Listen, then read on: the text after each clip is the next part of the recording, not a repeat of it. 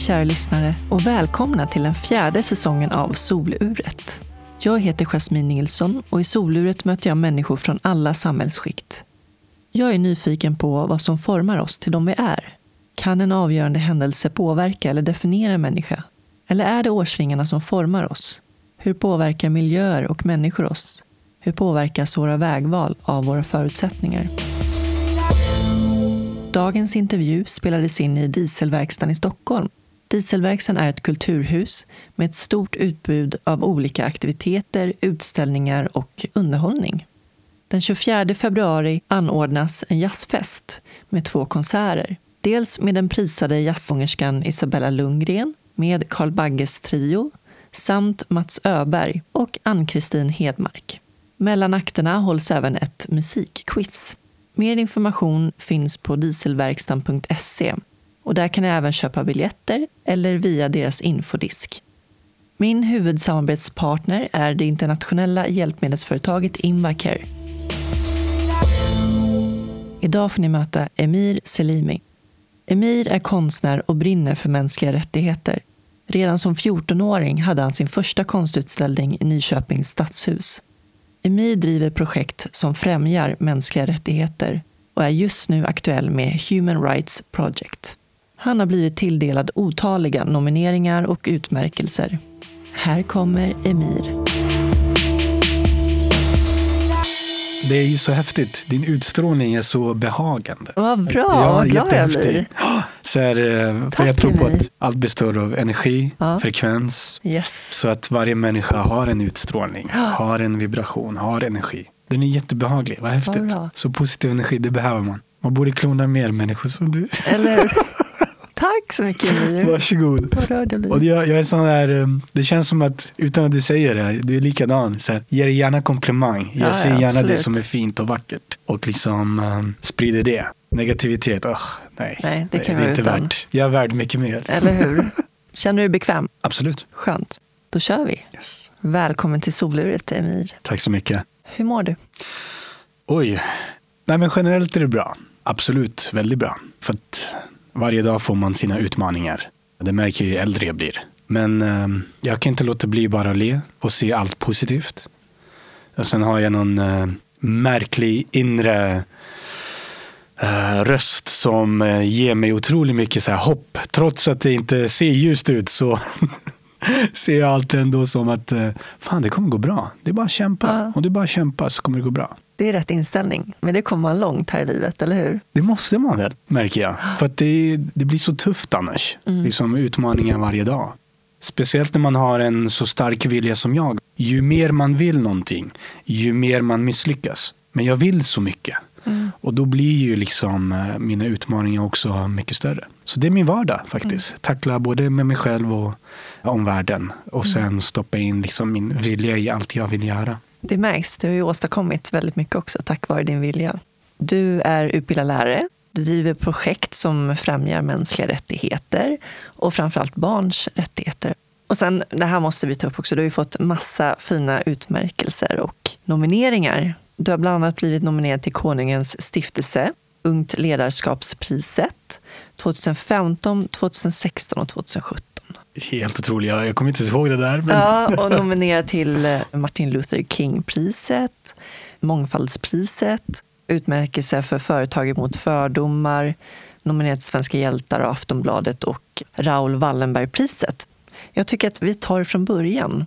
Du är en månad äldre än jag. Du är född den 26 september 83. Det stämmer. Jag är född 1983 eh, i Serbien. Alltså lång historia kort. Eh, min mamma ville inte berätta till mig faktiskt eh, förrän jag berättade att jag skulle skriva en bok om mitt liv. Då frågade jag faktiskt henne, hur gick det till när, när du liksom födde mig?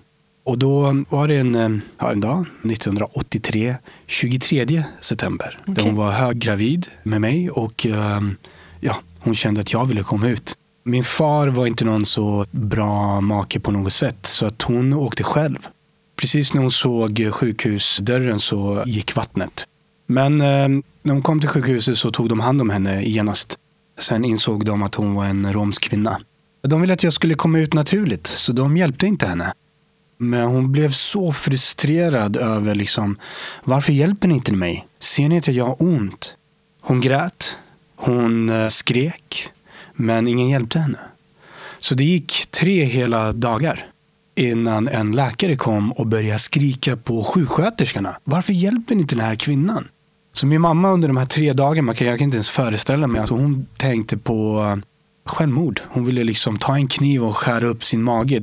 Men den här läkaren vart ju jättefrustrerad och arg på sjuksköterskan varför hon inte fick hjälp. Så att eh, när jag skulle föda så kom de här sjuksköterskorna och ville hämnas på min mamma. För att läkaren var ju sur på dem.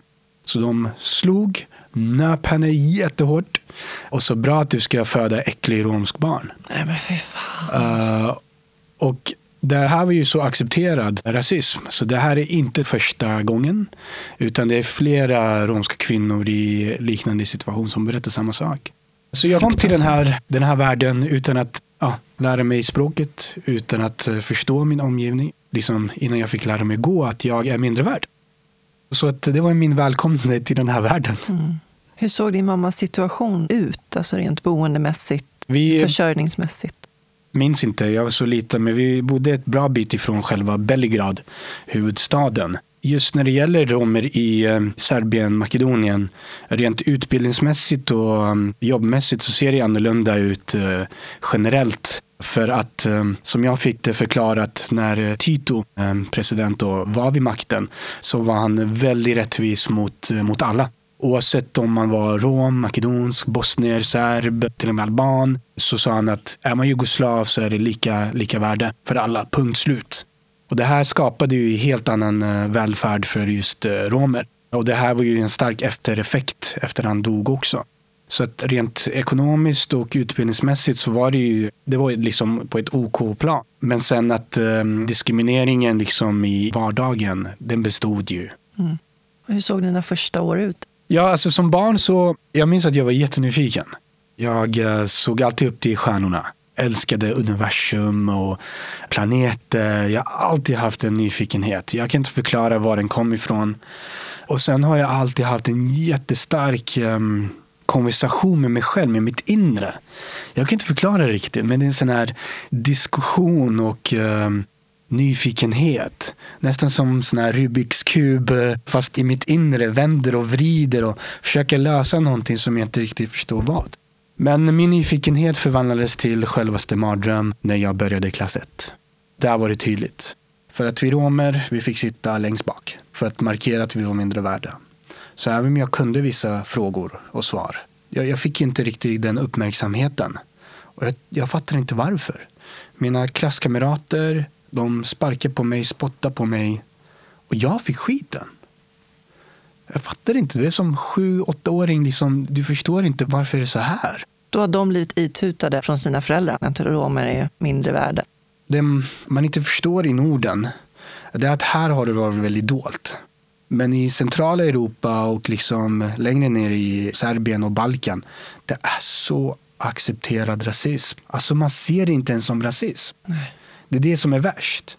När man inte förstår att det är så självklart att trycka ner romer. Det är så självklart att se ner på dem. Det är så självklart att snacka skit om dessa människor. Så att det blir en del av vardagen. Det är inga konstigheter. Så det är det jag blev utsatt som barn. Det värsta jag visste var ju rasterna. För att jag fick stryk varje dag. Jag gick ju eh, hela ettan och halva tvåan. Alltså, jag lovar, varje dag fick jag stryk. Jag blev slagen. Jag blev kallad för saker och ting. Så att liksom, tänk att man som barn får lära sig ett hårt miljö. Du är mindre värd. Du är inte värt som alla andra. Nej. Och sen när de vuxna också tittar på. Du kan ju inte göra någonting än bara acceptera situationen. Nej, men det är så. Så jag trodde ju på dem. Mm.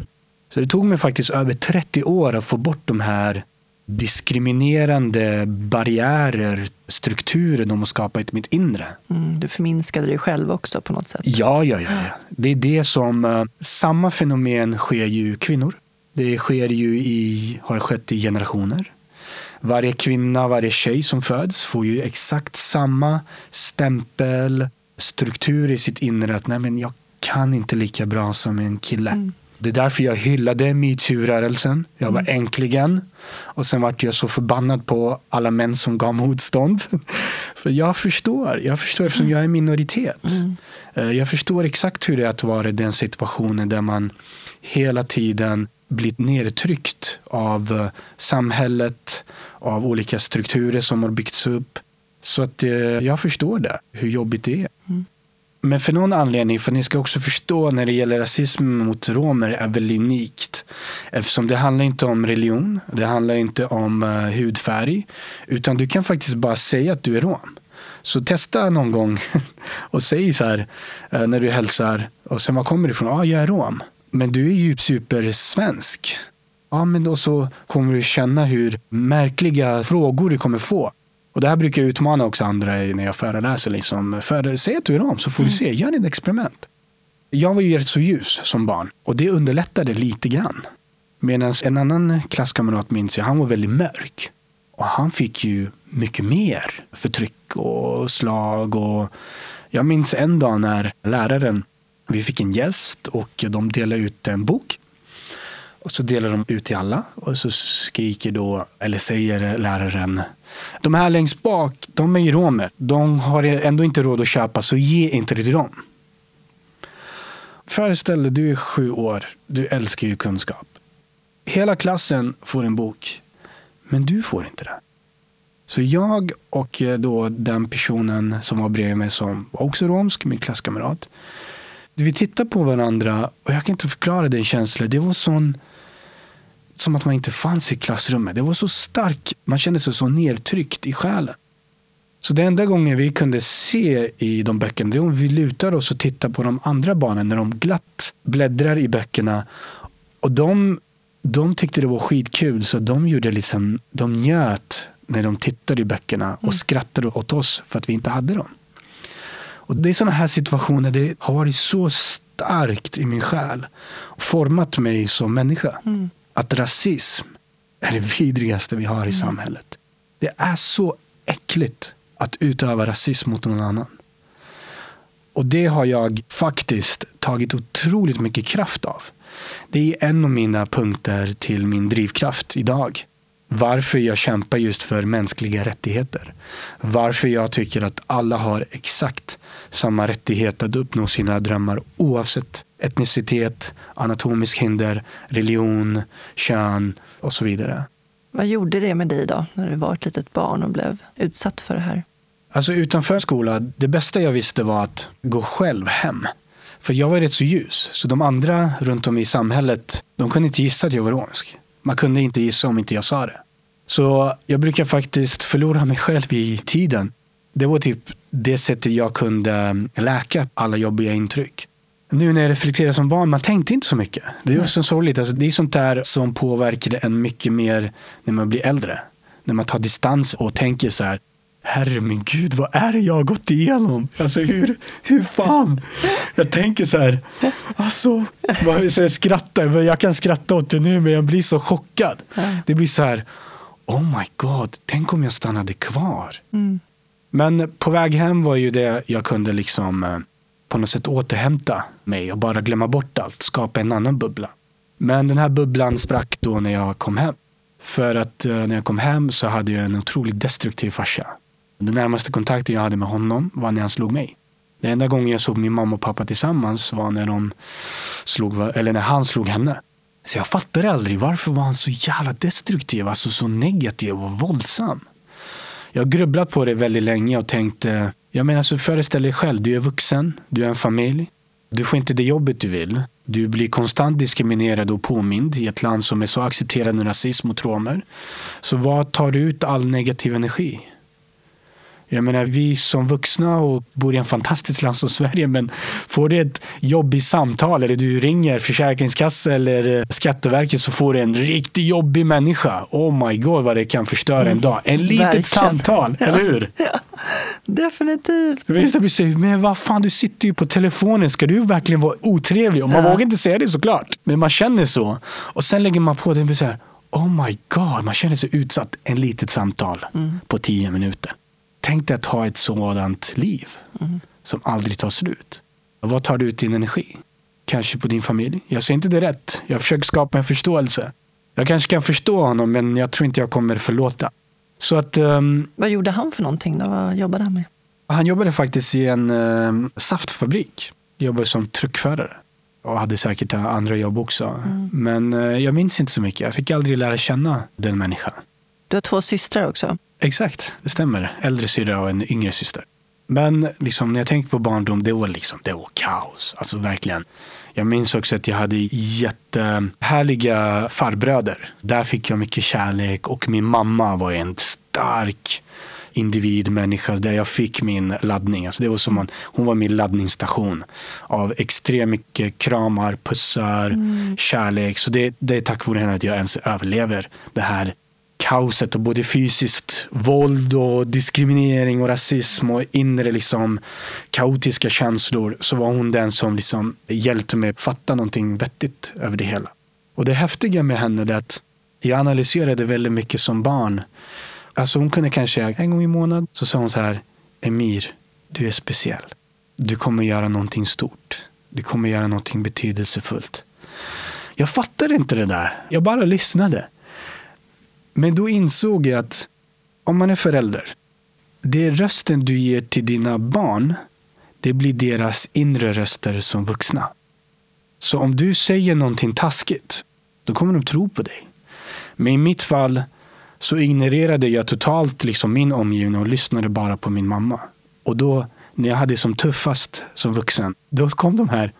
Emil, du är unik. Du kommer göra någonting stort. Någonting betydelsefullt. Och det var det som drev mig. Och det här är jag så tacksam för. Ja, våra mammor. Vad skulle vi göra utan dem?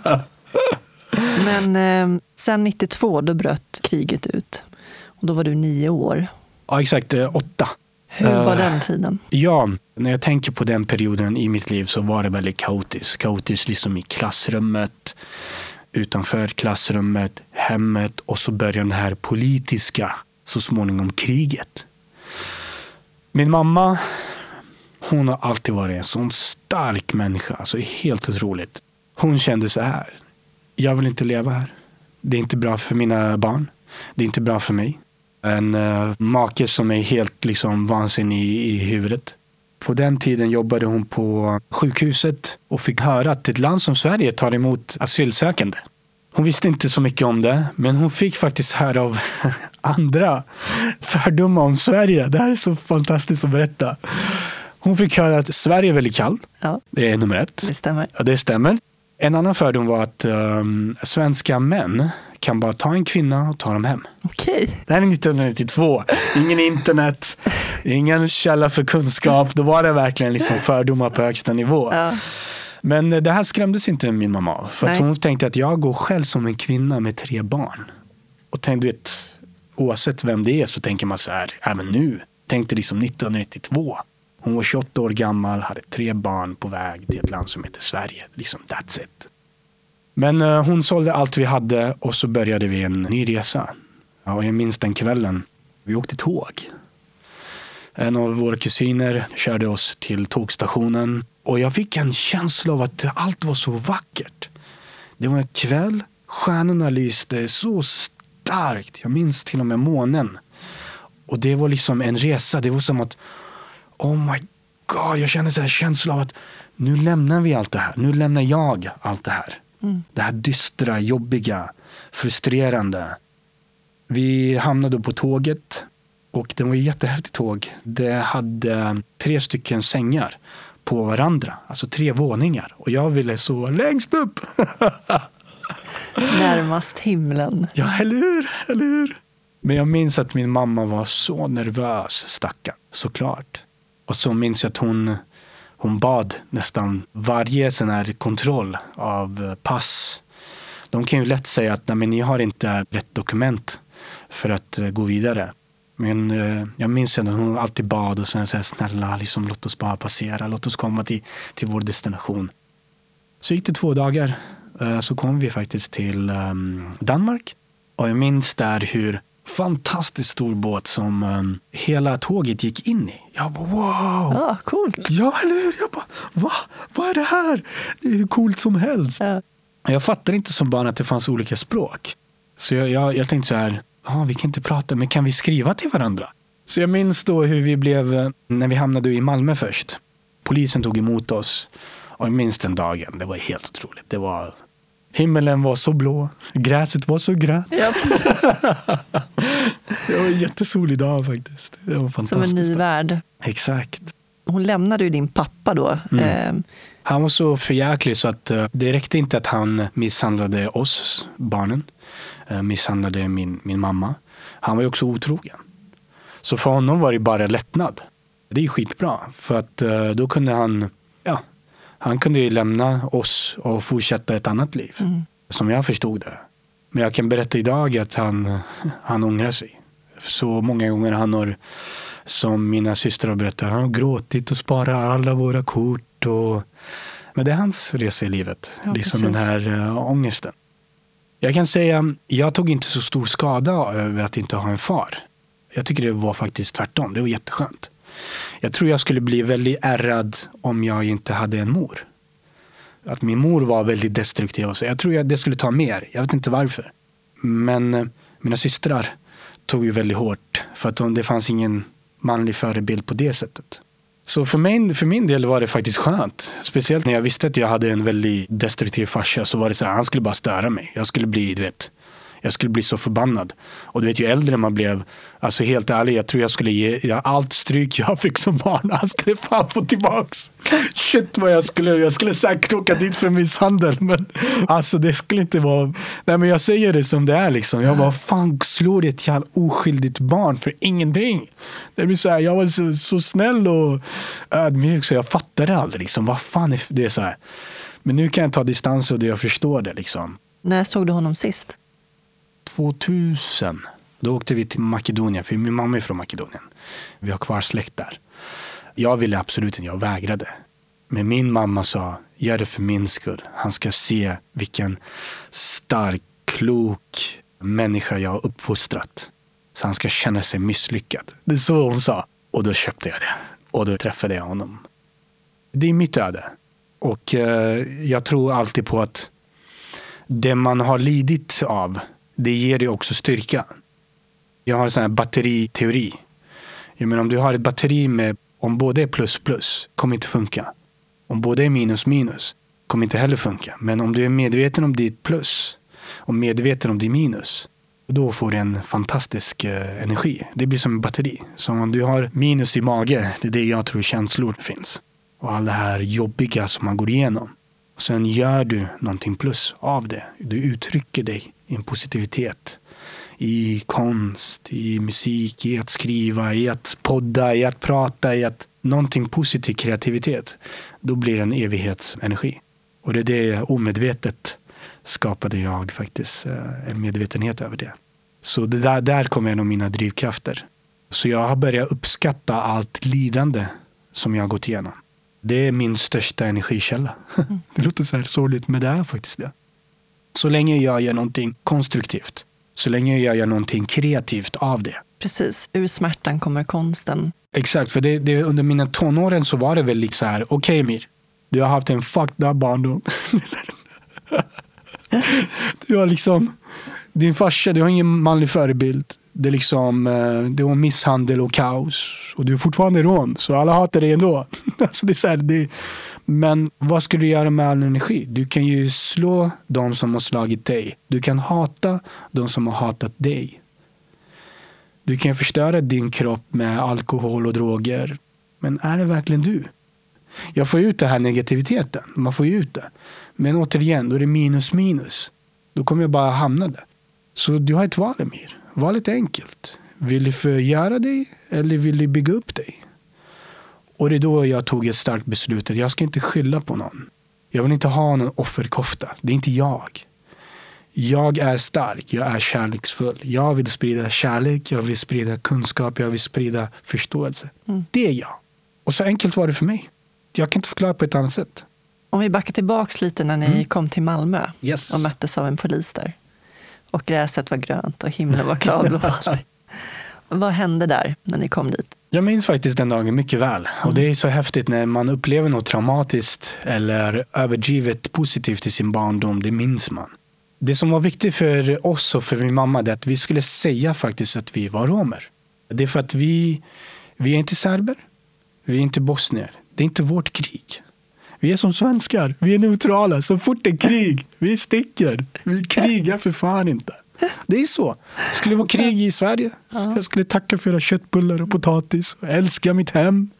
Men jag skulle aldrig på något sätt ta ett vapen och skjuta någon annan. Det är så mycket emot mitt inre.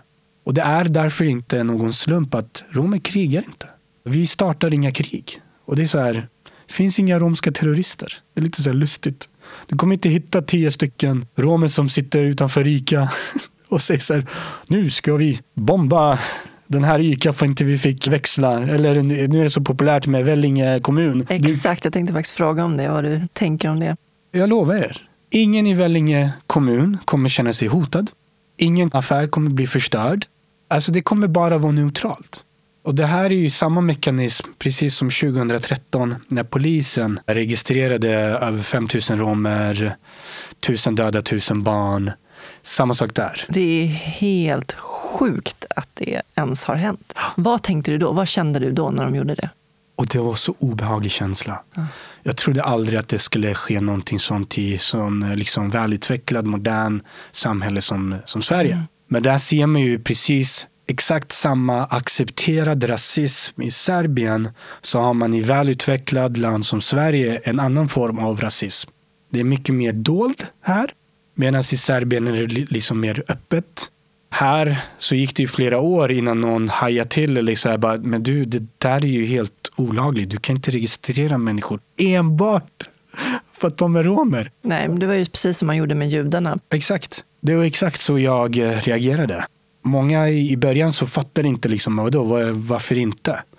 Men så fort man kanske ersatte ordet rom med mm. judar, då började alla så här, oh. Sen fanns ju också en register över kvinnor som har avslöjat. Så ja, återigen, det fanns ingen polis som blev skadad. Det var ingen affär som brändes. Det var inga våldsamma demonstrationer och självaste romer. Så att tillbaks till storyn i Malmö 1992 mm. så var det väldigt viktigt för oss att säga att vi är romer eftersom mm. vi inte har någon politisk knytning till kriget. Vad definierar en rom? Oh, alltså det är, det är så svårt att förklara men egentligen väldigt enkelt. Det är 60 olika romska grupper. Många vet inte om det. Det enda som vi har gemensamt är att vi kommer från Indien, tusentalet och att vi är diskriminerade. Allt annat ser helt olika ut. Det som är romskt för mig är helt annat för en annan grupp. Och ju äldre jag blir, jag märker så här, men alltså jag kan inte identifiera mig som rom längre tycker jag. För jag är jag, jag är ju emir. Och går jag till liksom den romska kulturen så är nej men det är inte jag 100 procent. Jag gillar en del av det. Och sen går jag liksom till det som är eh, i min nutid, liksom svensk kultur. Ja men det tilltalar mig mer, men det är inte allt. Så jag sitter precis i mitten. Så jag skulle definiera mig själv liksom, om jag tänker på mitt inre, jag tror jag, jag känner mig så här 60 procent svensk. Varför säger du det? Jo, det finns jättemånga kulturella grejer som passar mig där. Jag gillar att stå i kö till exempel. Jag tycker det är ett perfekt system när det gäller då kö i ICA-affärer. Uh. Men inte kö vid trafiken. Uff, då, då kommer min temperamentsfulla uh. den här uh, romska kulturen. Då, oh, då, då är det inte kul. Och jag älskar att komma du, Det tycker inte jag heller om kan jag säga. Jag blir också arg. ja. Um, jag älskar tid. Jag tycker det är tilltalande. Kommunikation. Jag är så naturlig i mitt inre. Jag liksom kan referera mig till svensk kultur otroligt mycket. Jag älskar det här att um, du pratar, jag lyssnar. Och sen paus. Jag pratar, du lyssnar. Inget prata i mun på varandra. Men det är så jag ser min identitet. Mm. Och det lustiga är att jag gjorde också en DNA-test. Okej. Okay. Jättehäftiga. Jag är 40 procent indier. Det är jag den romska. Mm. Jättespännande. Jag är ungefär 26 procent grek. Så bara, hoppa! Eller det. Ja. Exakt, så det, bara, okay, det var en stor överraskning ja. faktiskt. 11 procent Balkan. Jag bara okej, okay, okej. Okay. Bara liksom 11 procent. Det var också en sån överraskning. Ungefär eh, 10 procent judisk. Och sen var jag 0,8 procent från Nepal. Mm. Jag bara, därför jag gillar eh, berg. Fattar ni så ingenting. Vilken mix man är. Ja, verkligen. Så jag tänkte så här, bara så ni ska förstå. Jag är romsk, muslim. Just det, jag var också ungefär 10 procent mellanöster. Mm. Mellanöster? Alltså jag är mest hatad i hela världen. Jag har mest hatat religion, kultur och gener. Och sen är jag judisk också liksom i det hela. Jag bara, oh my god. Det är så världspolitiken ser på mig. Men jag, Ja. jag ser det annorlunda. Indien, en av mina största idoler, Mahatma Gandhi. Eller Han är från Indien. Mellanöstern, den första civilisationen, kulturen. Och sen det fantastiska när det gäller den judiska liksom, kulturen. Vad var det? Var fjärde person med judisk bakgrund i Nobelpristagande. Mhm. Nu kanske jag säger jättefel, men det är väldigt hög siffra. Jag bara, yeah, jag har en god chans att få Nobelpriset. Mm. Eller hur? 10 procent! Helt rätt inställning. Om vi kommer in på det med, jag frågar om rom därför att du sa just att din mamma ville vara tydlig med att ni är romer. Berätta sen vad som hände då. Ja, som sagt, när vi, när vi kom, det här var i Malmö, 1992, jag tror det var början av maj. Och då fick vi en flyktingförläggning. Och jag minns det så väl, hur det var. Det var en väldigt speciell korttidsboende av flyktingförläggning. Alla fick sova på en och samma plats. Det var en jättestor sal kan man väl säga. Med så här våningssäng. Då fick man beblandas med människor över hela världen. Det var män och kvinnor. Och det är som ensam kvinna, tre barn. Hon sov knappt på flera liksom månader Nej, innan vi slussas någon, någon annanstans. Men jag minns där att eh, jag tyckte det var jättekul. Jag har alltid haft i mitt inre att jag gillar förändring. Jag gillar jättemycket förändring. Jag gillar inte rutin. Jag dör av rutin. Alltså vaknar jag för många dagar i rad och gör samma sak. Tre dagar. Jag går sönder. Jag hamnar i depression. Alltså jag skojar inte. Men jag gillar när dagarna är olika. När jag kan liksom utmana mig själv. Och jag minns det som var speciella just, vi fick ju frukost. Och det var unika smaker. Ibland kan jag liksom bre en macka när jag blir bjuden eller går någon annanstans. Och så får jag smaka och det tar tillbaks mig. Jag kan associera så starkt till det minne. Jag bara, "Åh, det här smakar när vi kom till Sverige. Jättehäftigt. Cornflakes var en av grejerna. Filmjölk och smör var en av de starka upplevelser och smaker faktiskt. Som jag minns. Men sen så slussades vi vidare. Så under två års period fick vi bo det var i Malmö, Motala, Södertälje, Stockholm, Oxelösund och slutligen Nyköping. Och anledningen var att just då så regeringen på den tiden visste inte vad man skulle göra med sina flyktingar. För det var en jättestor våg. Så man stängde en flyktingförläggning och öppnade. Men en av de starkaste minnen, det var faktiskt i Motala. Jag tror det uttalas Bona Motala. Det är ett litet samhälle. Det var väldigt speciellt. Det var jättestort. Det var massivt. Riktigt stort flyktingförläggning. Alltså jag tror inte det finns något sådär stort. Jag var där eh, för något år sedan och såg hur det var. Jag minns det så wow vad stort det var. Alltså. Det är som ett litet samhälle. Men det var en jättestark intryck i min barndom. Jag minns när vi kom till just Motala. Jag tror det var midsommar. Jo, men det var midsommar. Åh, och så bjöd de på mat. Och det är som barn, du här, wow, är det så här varje dag? Men det var jättehäftigt faktiskt. Så att det tragiska med min barndom kan jag väl säga att jag har ett jättestort avund till andra som har bott på en och samma ställe. Haft ett tryggt barndom där de har minne av allt de har gjort. Jag måste gå tillbaks liksom halva Sverige till liksom Europa och Serbien där jag inte vill alls liksom bli påmind av. Det är min barndom. Så jag brukar referera min barndom till en blomma som liksom försöker lägga rötter men våldsamt dragits ut. Stoppat något annanstans, försökt lägga rötter men dragits upp igen. Liksom. Och det är det som är min känsla för att jag känner mig rotlös. Jag känner verkligen inte att jag, jag tillhör inte någonstans. fortfarande. Fortfarande kan jag faktiskt känna. Det är samma sak med i mitt inre, det har ju starkt med det romska. Jag tror inte att jag kan ha ett land. Jag vill inte ha ett land. Hela världen är min. Det är ju ashäftigt. Det är Världsmedborgare. exakt riktigt liksom så här kosmopolit. Romer är faktiskt de första kosmopoliter på det sättet. Att vi vill inte ha ett land. Vi ser hela världen som vår. Det är ju ashäftigt. Alla romer jag pratar med säger samma sak. Jag vet inte varför. Så att jag ser Sverige som mitt hem. Och jag älskar mitt hem. Och i mitt hem vill jag att alla ska trivas. Alla ska må bra. Det är därför jag har en så stark driv när det gäller mänskliga rättigheter. I mitt hem ska alla känna sig välkomnade. Alla ska känna att vi har lika god chans att lyckas på ett eller annat sätt. När jag tänker så, så blir det självklart för mig att vi ska ta hand om varandra. Om du inte är välkomnande, då blir det ju stora klyftor. Då blir det ju liksom ett rätt så skevt samhälle. Vår samhällsstruktur som det ser ut just nu, vi har ju totalt misslyckats på integrationen. Det har tyvärr inte funnits någon nationell övergripande strategi för integration. Det är bara att ta, om vi går tillbaks, ta till exempel min mamma. Hon är ett jättegott exempel. När vi kom till Sverige så fick vi bli slussade överallt. Men hon fick inte direkt lära sig svenska språket eller träffa någon svensk familj. Det tog över tre år innan vi fick träffa en svensk familj. Det tog över tre år innan jag fick se svenska barn. Ja. För att även när vi bodde i Motala som jag nämnde, vi fick inte gå med svenska barn för att vi skulle lära svenska. Vi fick inte gå med svenska barn för att vi kunde inte svenska. Men det som hände det när vi såg svenska barn, det var samma känsla av, inte lika negativ och destruktiv och våldsam, men jag kände att de var mer värda. Så när vi såg dem, jag sa så här, wow, där går de. Åh, oh, vad häftigt. Och vi kunde inte leka för att vi kunde inte språket. Så därför tycker jag det är jättebra. Idag så beblandar man. Om man är nyanländ så får man direkt gå i en svensk klass. Så att man slipper den här skeva bilden av vi och dem. Precis.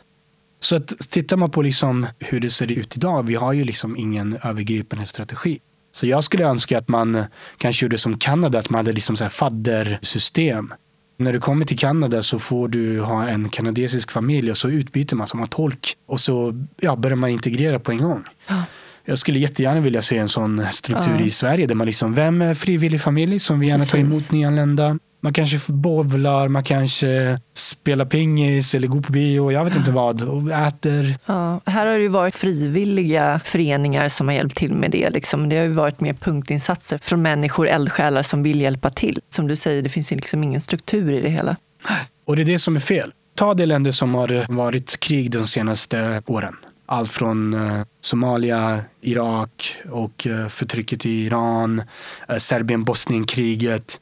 Dessa människor är ju från ett land där de är majoritet. Vi som är romer, vi har alltid varit minoritet. Så när vi kom till Sverige, när du är en minoritet och du kommer till ett nytt land, du har lättare att anpassa dig. Varför det? Jo, för du är van att vara en minoritet. Allt du får blir tack. Och jag alltid känner tacksamhet. Medan jag minns att det fanns några av mina vänner jag förstod aldrig. De bara, Sverige är skit. Jag bara, va? Varför säger du så? Oh, jag tycker inte om Sverige. Och då förstod jag att det kommer ju säkert hemifrån. Och det här tog mig jättelång tid och det här är faktiskt en ny kunskap som jag har förstått. Och så här är det helt enkelt, tror jag på. Det här är min uppfattning. Kommer du från majoritetssamhälle, då kommer du till ett nytt land som Sverige. Plötsligt blir du för första gången en minoritet. Så vad gör du av att du får utbildning, du får jobb, du har samma rättigheter. Så kommer du till Sverige och så kommer majoritetssamhället, liksom svenskar, och ser dig som minoritet, stackars liten. Jaha, har du haft den utbildningen? Men det gäller inte här. Jaha, har du varit läkare? Ah, nu får du köra taxi.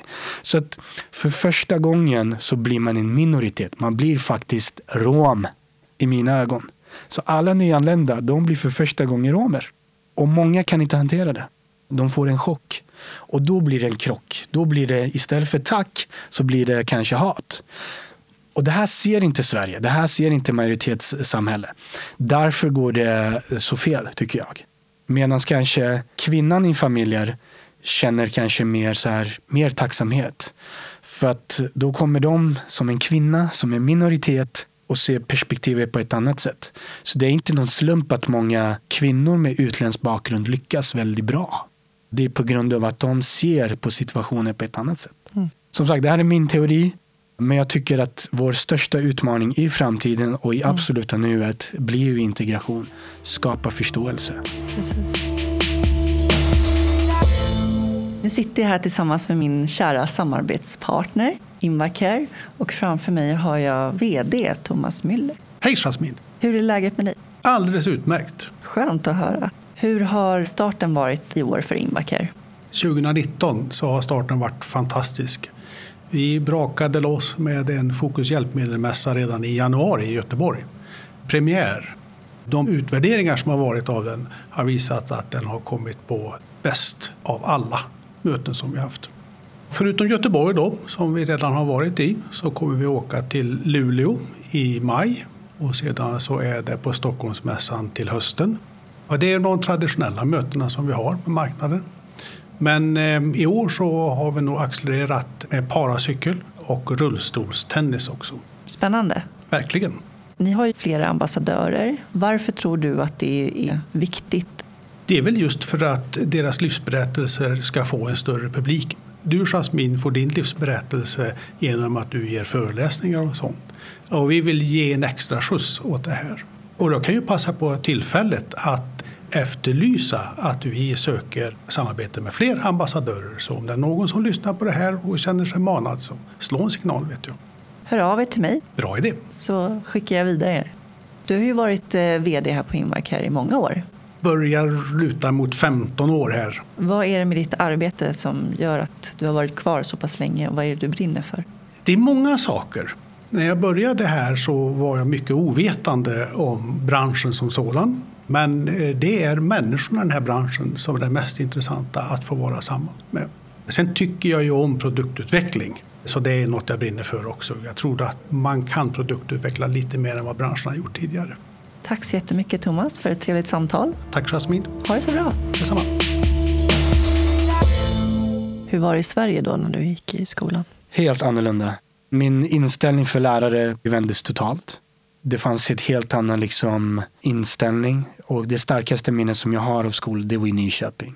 För 1994, då hamnade vi i, eh, i Nyköping. Första november, det kommer jag aldrig glömma bort. Första november 1994 hamnade vi i Nyköping. Och jag minns hur det snöade så vackert. Det var så vackert. Helt otroligt. Och det här området vi flyttade till, det var som, eh, jag vet inte, det var som en filmstudio. Speciellt när det snöade så vackert och långsamt. Och jag trivdes så bra. Så att när jag började skolan, det första de i min klass gör, de springer efter mig. Det minns jag. För de tyckte jag var så söt och så gullig.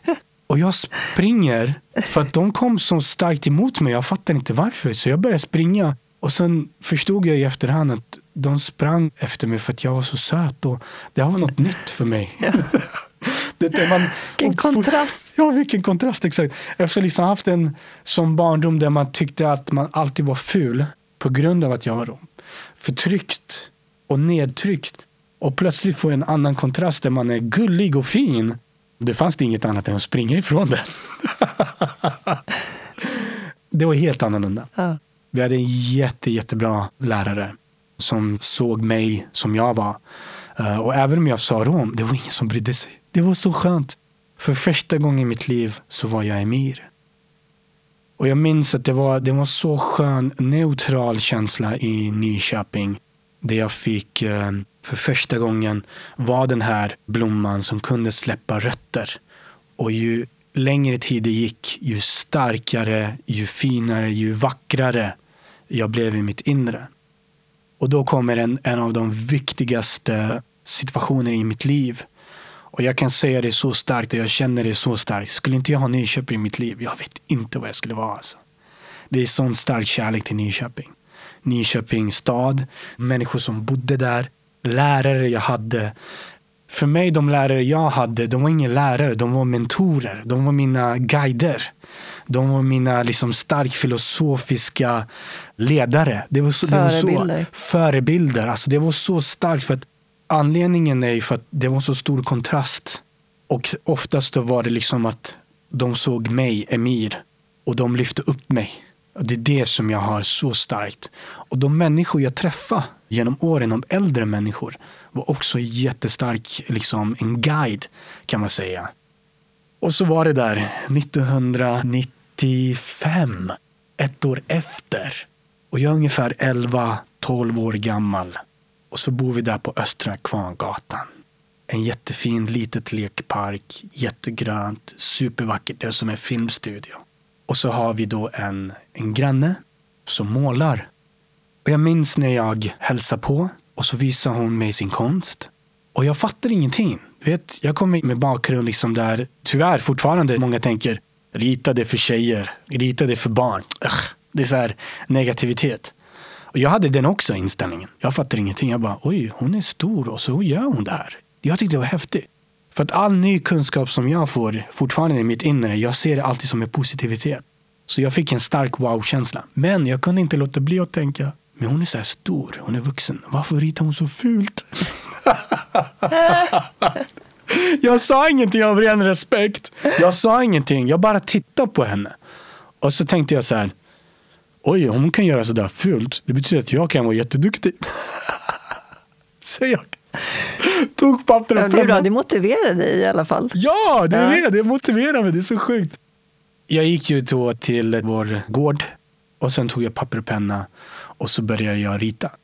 Jag ritade och ritade och bestämde mig. Fan, jag, jag suger på det här också. Men jag ska fan bli bäst. Jag hade lite den så här Zlatan, kaxig, eh, du vet. Det var fan, jag ska bli bäst på det här. Bara vänta. Det häftiga är att jag minns att jag var så stark i min personlighet redan då. Så jag fick en hel gård att rita. Och jag hade några så speciella pennor som jag köpte. De var, allt var i blyerts. Och de var ascoola. Och du vet när du är så här 11-12, för dig liksom var det 30 spänn. Det är skitdyrt ju. Men jag fick av min mamma. Min mamma var helt underbar. Hon stödjade mig alltid. Hon köpte färgpennor, hon köpte block. Det är ju ändå Hon- ganska dyrt också med konstmaterial. och speciellt om man tänker liksom det bakgrunden man har, liksom där man, hur man ser på konst. Jag var den första i familjen som ens liksom gillade att rita. Och jag minns att en av hennes kompisar, jag fick använda akvarellfärger. Och det var det bästa jag fick. Jag var så lycklig. Jag var så lycklig. Så att för mig var liksom hela min tonåren, jag målade. Jag har mått så dåligt, jag har blivit så förtryckt. Jag har liksom fått så mycket minus. Jag har programmerats att hata mig själv på grund av min bakgrund. Och så gör jag någonting positivt, kreativitet, som att måla. Jag kunde sitta och måla i timmar. Alltså. Jag skojar inte. Timmar. För jag fick ut all ångest, all negativitet varje gång jag blev förtryckt, varje gång jag fick höra någonting. Det kom ut med konst. Och jag vet ibland när några ungdomar träffar mig, liksom, både före, föreläser eller pratar med ungdomar, den identitet som är typiskt att jag ska vara. När jag säger rom, det betyder jag är kriminell. Jag har säkert rånat flera människor.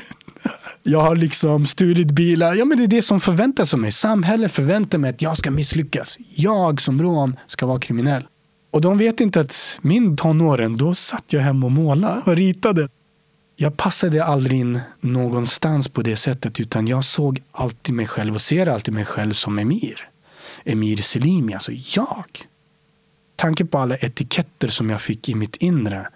Alltså idag skulle jag lätt med stolthet bära bara ett enda etikett på min själ och det är konstnär. Jag är konstnär. Jag älskar att skapa. Medan andra ser omöjligheter, jag ser möjligheter. När andra tycker att nej, men det är hopplöst, jag ser det där är det största hoppet. Alltså jag, jag kan fixa det här. När andra ser bara en vit vägg, jag ser bara hmm, vad kan jag rita här? Vad kan jag skapa här? Det formade mig otroligt mycket. Att jag upptäckte mig själv i konsten. Mm. Redan eh, när jag började måla och rita och jag behärskade jättebra. Jag var typ 12, 13. Sen såg min bildlärare, Klas, bästa Klas, så skön, alltså så fantastisk människa, fantastisk bildlärare. Och det, han var kontrasten till det man tänkte på en bildlärare. Jättestor, FN-soldat, surfare. Och så slänger han iväg en eh, bok så står det Salvador Dalí. Och så säger han, Emir, du målar som han. Jag har tittat på bilder, jag bläddrar igenom. Jag bara, hm, lever han? Jag bara, Nej, han är död. Ja, då målar han som jag. Eh, och det var faktiskt jättebra. Han var min guide. Och så frågade jag Claes, nu jag har, jag har massa tavlor, så vad, vad ska man göra liksom? Om en konstnär ska ha en utställning. Jaha, vad betyder det? Och så berättade han. Jag bara, jag ska ha en utställning. så jag hade min första utställning när jag var 14. Eh, Bra jobbat. Tack. Så Nyköpings uh, stadshus uh, hade min första utställning. Jag sålde 21 stycken tavlor. Innan jag öppnade så köpte jag en i receptionen. Ja, det var en av de coolaste, bästa känslorna Ja. någonsin. Så det var en veckas utställning och jag var 14 år, tjänade 11 000 spänn på det. Stort. Jag bara wow, shit, det här kan jag tjäna cash med. Det här är skitbra. Din mamma måste varit så stolt också. Jättestolt. Jag måste säga att jag kanske sparade knappt några tusen. Hon fick resten. Det var, liksom, det var min kvitto för Mm. allt hon har gjort för oss. Liksom. Hon kom till Sverige själv med tre barn. Och det följde efter mig, den här drivkraften att det går, det funkar. Mm. Och sen gick du ut gymnasiet. Exakt, och då gick jag i bild och form, gymnasiet. Det är också en av fantastiska tider i mitt liv. Jag bara njöt varje år, varje dag. Jag var alltid supersocial. Alla visste liksom vem jag var. Och de visste att jag alltid var så djup. En av mina första citat, kom jag ihåg, som jag spred så här. Det var så här, kärlek är nyckeln till alla låsta dörrar. Det, det var liksom, det var det. Det var så här mina gymnasietider. Härligt. Men sen bestämde jag väldigt tidigt att jag ville utbilda mig till bildlärare. Sista året i gymnasiet så åker vi till Konstfack. Vart blir man bildlärare? Konstfack, då kör vi. Du vet, inget hinder, det är bara att köra hårt. Problemet var att när vi var där så var det så stelt. Åh! Och sen fick jag veta att man får teori typ två år eller något sådär. Och sen praktik tredje året. Jag bara, va? Ska jag läsa om jag cyklar i två år? Och sen får jag kanske prova cyklar tredje året. Jag bara, nej! Det är inte jag. Jag lär mig inte sådär. Jag lär mig av att se, av att prova, av att du vet, känna. Och jag bara, Emir, vill du verkligen det här? Om du verkligen vill det här, då, då kör vi. Så jag tog ett sabbatsår. Hela min värld rasade. Flera år haft liksom mål, bildlärare, liksom konstfack. Mm. Men sen föll hela världen. Det var inte som du hade föreställt dig. Nej. Och så tog jag ett paus faktiskt. Då flyttade jag hemifrån. Jag var i princip arbetslös, blir man ju. Det väl också en liten chock. Ja. Så att jag eh, fick skaffa mig eh, jobb. Men det var det bästa åren någonsin. Vad var det för jobb då?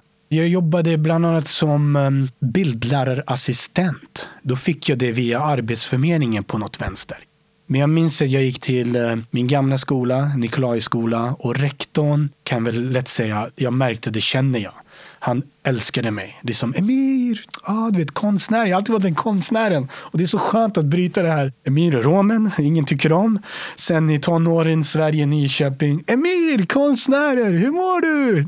Och så säger jag att skolan behöver inte betala någonting, det går via Arbetsförmedlingen. Men det enda jag vill, och det var superviktigt, det är att jag får äta gratis. För jag visste, du vet, när du jobbar så får du fan hämta sin egen mat. Men jag bara, jag får uh, gratis mat. Han bara, deal. That's it. Jag bara, yes. Jag älskar skolmaten. Jag fattar inte varför de klagar. Bästa villkoren. Liksom. Ja, bästa. Så jag fick faktiskt um, min uh, bästa praktik det året. Jag jobbade på två olika skolor som bildlärarassistent. Och då kände jag jättestarkt att det, det är det här jag vill göra. Mm. Och då, i samband med det, träffades vi alla bildlärare i hela Nyköping. Pratade om vårt jobb. Vi ska stödja varandra.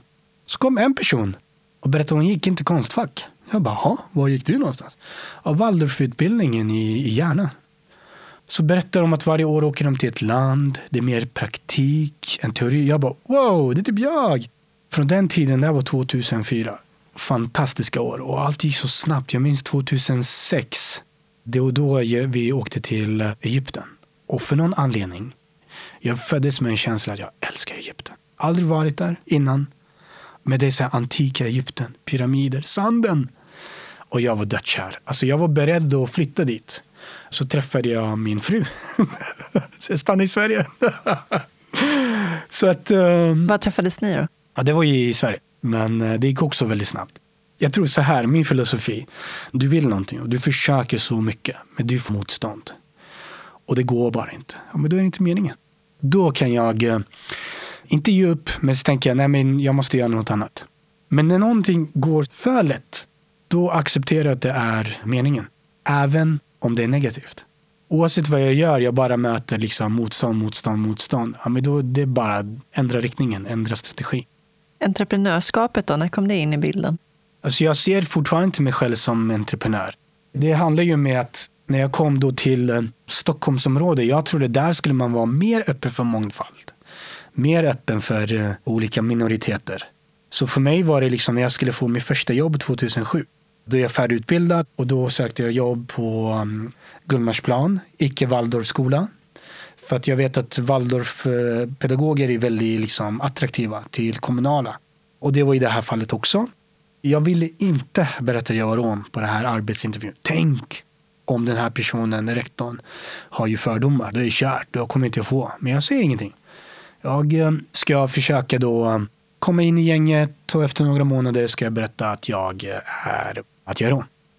Men det går flera månader och jag vågar säga att jag är eh, rom. Och det här var faktiskt i samband med en utställning på Kulturhuset i Stockholm. Och då åker vi med våra elever. I samband med den konstutställningen så är det utställning om romer. Jag är inte religiös, men det kändes så tydligt så här. Som att Gud går fram. Emir, det är dags. till höger hade jag foton och till vänster hade jag min kollega. Och jag kände så starkt så här, oh, men fan jag ska berätta. Mm. Bara för att ni ska förstå, vi hade bra relation tyckte jag. Var väldigt öppen och gav mig jättemycket komplimanger tidigare. Så det var ingen konstighet. Jag kände inte på mig att det var något, något negativt så. Då skulle jag aldrig våga säga någonting. Men eh, jag kände mig rätt så trygg så jag berättade så här. Bara så du vet så, jag är också rom. Och hon stelnade. Vet? Och jag vet exakt vad det är. Alltså, samhället har lärt mig så tydligt vad det betyder under min barndom. Det betyder att hon inte tyckte om det. Och då började ångest på direkten. Jag bara fuck Emir, vad har du gjort? Du har förstört för dig själv. Och jag bara nej men du kan inte säga så för att alla ska se var de kommer ifrån. Ja men du behövde inte det här. Och så började jag grubbla med mig själv. Jag mådde skitdåligt. Jag går hem och säger inte till någon, säger ingenting. Utan jag liksom sväljer och behåller det i mitt inre. Och jag tänkte, du överdriver. Gå till jobbet så blir det bra. Jag går till jobbet och vi är ungefär fyra stycken bildlärare, fem med mig, för det är jättestor skola. Jag säger hej, men jag får inte riktigt det där hej tillbaks. Jag bara, what? Och så märkte jag hur tydligt man tog liksom avstånd från mig. Och de flesta som blir diskriminerade, de, alltså du, skulle det här gå till någon rättegång så skulle jag aldrig kunna bevisa. Det går inte. Du kan inte bevisa. Du känner i luften. Och har man varit i en sån situation tusen gånger, det är liksom, man vet det. Ingen behöver säga någonting till mig. Jag vet skillnaden. Mm. Men en av eh, lärarna tyckte att jag var så... Nej, men hon tyckte verkligen inte om mig. Det märktes på direkten. Och speciellt när rektorn fick höra att vi har det väldigt dåligt i arbetslaget. Så han kom ner och snackade med oss. Vi satt i en ring. Och så började han liksom, vad, vad är det som händer? Och så kommer en av lärarna och säger, se vad Emir har gjort. Jag bara, shit, vad har jag gjort? Och det är en elevundersökning. Och så säger hon, pekar hon på den. Och här längst ner så står det, väldigt olämplig fråga. Och frågan var typ så här, eh, tyckte du att jag var bra lärare så du vill ha mig till nästa år? Hon tyckte det här var olagligt. Helt olagligt alltså, på riktigt. Rektorn fattade ingenting så han började skälla ut henne. Och jag frågade så här, du, den här undersökningen, det har jag inte bara lagt ut utan det hade jag inne i min byrålåda. Har du varit och rotat och tittat? Oh. Och då började det. Då liksom. Det var som, du vet, jag har bara tittat på Robinson. Men det kändes som att jag var med i Robinson. De ville typ rösta ut mig. De ville få att jag skulle få sparken. Alltså. Så är det bara. Hon ville att jag skulle få sparken. Och då skyllde man på allt. Att jag var Waldorf-bildlärare och inte vanlig bildlärare. Så där hakade de upp sig på. Fast jag var, jag vet det, ingen behöver säga det till mig. Jag vet att jag låter inte kaxig nu, men jag vet att jag är Sveriges bästa bildlärare. Jag kan allt. Så att skylla på min utbildning, det är så lågt att hitta olika fel för att trycka ner mig. Han fattade ingenting så han skällde ut dem. Det jag brukar säga så här att det är en hemsk upplevelse. Jag önskar absolut inte någon. Men um, jag tycker inte synd om mig. För att det här sker varje dag. Hela tiden. I olika former. Det mest jobbiga var faktiskt inte den som höll på att trycka ner mig. Hitta olika anledningar för att jag skulle få sparken. Det mest som gjorde ont var att det var två stycken kollegor till som var tysta. Mm. Du vet, för att när hon uttryckte sig i vissa fall förnedrande, diskriminerande, rasistiskt så höll de andra tyst. Och det gjorde mest ont. Så är det någonting jag kan lära ni som lyssnar, var inte tysta. Var inte tysta. För när man ser diskriminering, förtryck, det är det som gör mest ont. Det är att vara tysta. Diskriminering har inte börjat med mig. Det kommer absolut inte ens sluta med mig. Det pågår just nu. I något klassrum, i något eh, sammanhang, i någon arbetsplats. Det är ju samma sak med mobbning. De som står tysta och tittar på. Mobbing är ju, leder till diskriminering och sen leder det till förtryck. Jag har liksom blivit mobbad som barn. Jag har blivit mobbad som vuxen. Och det är som gör mest ont är de som är tysta. Så är det någonting jag lär mig av det, det är att fan inte vara tyst. Så det skapar en jättestark, det tog mig tillbaks till Serbien i klassrummet. Och där insåg jag, shit, det här jäkla problemet finns kvar. För att jag blev så här, Jag levde i en bubbla i Nyköping. Fantastisk bubbla. Jag vill ha tillbaks den. Det gjorde att jag faktiskt eh, startade min första förening, Unga Romer, på grund av den, den situationen. Och sen gav mig otroligt kraft i just den här, när det gäller diskrimineringsfrågan. Mobbing, förtryck, minoritet. Och det är det som jag liksom, jag känner att jag lägger otroligt mycket vikt och kraft på att utveckla Swedish Human Rights Project. Det är det som är min kall. Mänskliga rättigheter överhuvudtaget. Det är det du ägnar dig mest åt nu? Exakt. Det kändes väldigt jobbigt i flera år när jag väl startade Unga Romer. Då var det liksom Emir Romen igen. Och det blir så här, alltså, visst, jag kämpar för romer. Men det är inte jag. Jag har alltid älskat mänskliga rättigheter. I klass 7 öppnade min, mitt skåp så var det en bild på Mahatma Gandhi, Martin Luther King och Buddha. That's it. That's it. Och det, det, var liksom, det är så jag så det skriker om det. Mm. Att liksom bara vara så här, Emir lika med rom, det, vill säga, det, det är inte jag. Så att därför skapade jag idén av att jag, jag är så kreativ, jag är konstnär, jag gillar ju att skapa hela tiden. Därför var det så naturligt för mig att skapa Swedish Human Rights Project. För där kan jag skapa olika projekt som stärker mänskliga rättigheter. Mm. Så idag har vi projekt som heter Vi har inte plats för rasism. Vi har en Facebook-sida som har eh, senast jag såg 67 000 följare. Wow! Så ascoolt. Det är en antirasistisk sida.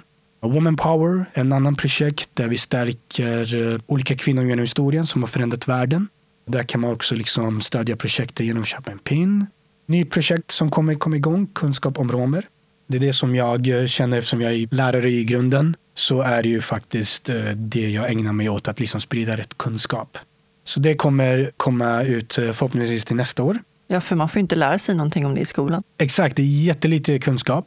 Och fördelen med den här sidan är att det kommer finnas en flik där lärare över hela landet kan ladda ner skolmaterial. För att enligt eh, läroplanen så måste ju lärare undervisa om minoritet, nationella minoriteter. Och det är romer också en av det. Så där kommer vi hjälpa lärare bland annat och hålla en, en schysst undervisning om romer. Mm. För att man har tyvärr fortfarande ingen kunskap. Nej. Man har ju bara fördomar. Du betyder mycket för Tack. många människor. Tack för att du finns. Tack, vad fint. Hur ser du på tiggeri och eh, synen som man har på romer? Jag föreläser bland annat runt om i, i landet. Just om uh, min historia i Serbien och sen lite kort om liksom, romernas historia och knyter det an hur det ser ut, den här accepterade rasismen. Alltså helt ärligt, skulle det se annorlunda ut om dessa människor inte var romer? Skulle man uh, hjälpa dem mycket mer? Uh, jag tror ja, absolut. För att uh, vägran sitter ju också att man hjälper inte romer. Och uh, tyvärr så har ju Sverige också en väldigt mörk historia. Romer har funnits i Sverige i 500 år. Gustav Vasa avrättade alla män och skickade alla till dagens Finland. Det är därför många finska romer har svenska efternamn. I Finland fick man inte utöva sin romska kultur. Man klippte av deras tunga. Därför många inte kan romsk dialekt som är finska romer. I Sverige så fick man inte rättighet att gå i skola i ja, mitten av 60-talet ungefär. Så i 500 år har inte romer haft rättigheter i Sverige som man tror var självklart bara den kunskapen saknar ju majoritetssamhället. För att idag skyller man helt och hållet på romernas utanförskap, att det är självvalt. Men romer är bara en produkt av deras miljö. Jag menar, det är precis samma sak som jag pratade om, olika minoriteter. Så romer, jag vågar påstå att jag är inte rom. Jag är bara lärd att vara rom. Tittar man på min DNA, ja, men jag kan inte ta reda på att jag är rom. Det är samma sak där. Gör DNA-test, ja, men då är det halva världen vem är du? Så vem du är har egentligen ingenting, alltså vilken nationalitet eller vilken kultur du har. Du är inlärd att vara ett visst beteende. Så det är samma sak med eh, dagens samhälle. Jag tror inte att människor, ja men jag är svensk, ja men det är inte du. För att om du tar bort din svenskhet, ja vem är du då? Ja jag kommer från, vi låtsas, ja Nyköping, ja men ta bort din barndom då.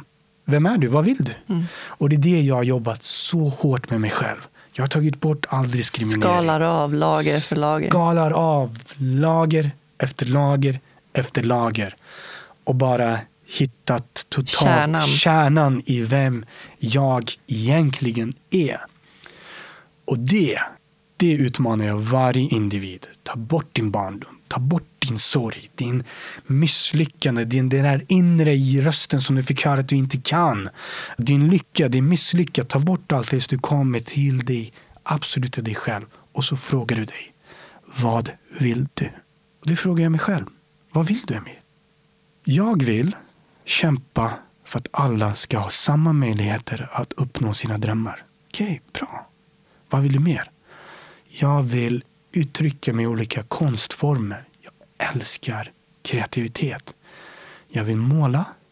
Jag vill göra musik. Jag vill skapa. Och mest av allt vill jag skapa relationer. Människor ska ha förståelse. Det här är jag. Punkt. Perfekt övergång till mina standardfrågor nu också. för då kommer vi till just vad innebär det för dig att vara människa? Oh, den här frågan. Det är lustigt, jag kan dela med mig. Om man kan någon dialekt, min dialekt är arli romane. Så vi, vi säger liksom, ordet rom betyder människa. Visst är det lustigt? Verkligen. Så vi, vi är en av de få i denna planet som kallas för människor. Men vi ses inte som människor. Så vad betyder människa för mig? Utmaning? Jag vet inte. Jag ska vara helt ärlig. Jag har ingen aning. Men jag vet att jag ifrågasätter det. Jag har tidigt känt så här, alltså vi människor, alltså vad är det vi gör? Alltså, oh my god.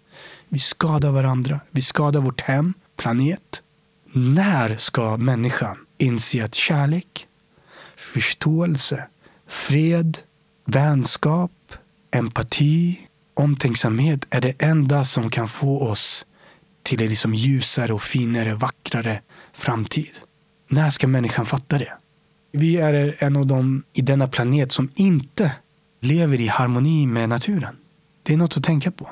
Vi är de enda på denna planet som förstör vår natur mycket mer än vad vi tar hand om den. Mm. Och det är nu det är liksom högst medvetande om klimat, om politik och hur man uttalar, hur man tilltalar. Så vad är människa? Ja, jag vet inte. Vad betyder frihet för dig? Oh, det betyder allt. Allt. Alltså jag, jag är så beroende av att ha en känsla av att känna mig fri. Om jag har haft ett jobb som inte jag känner frihet, då säger jag upp mig. Jag, jag orkar inte, det går inte. För att jag har känt som barn så starkt att min frihet har tagits ifrån mig. Så det är så känsligt för mig att inte ha min frihet. Och jag vill till och med säga min konstnärliga frihet. Att um, uttrycka mig i ett forum där jag kan känna frihet är avgörande för min själ och för min personlighet och min vardag.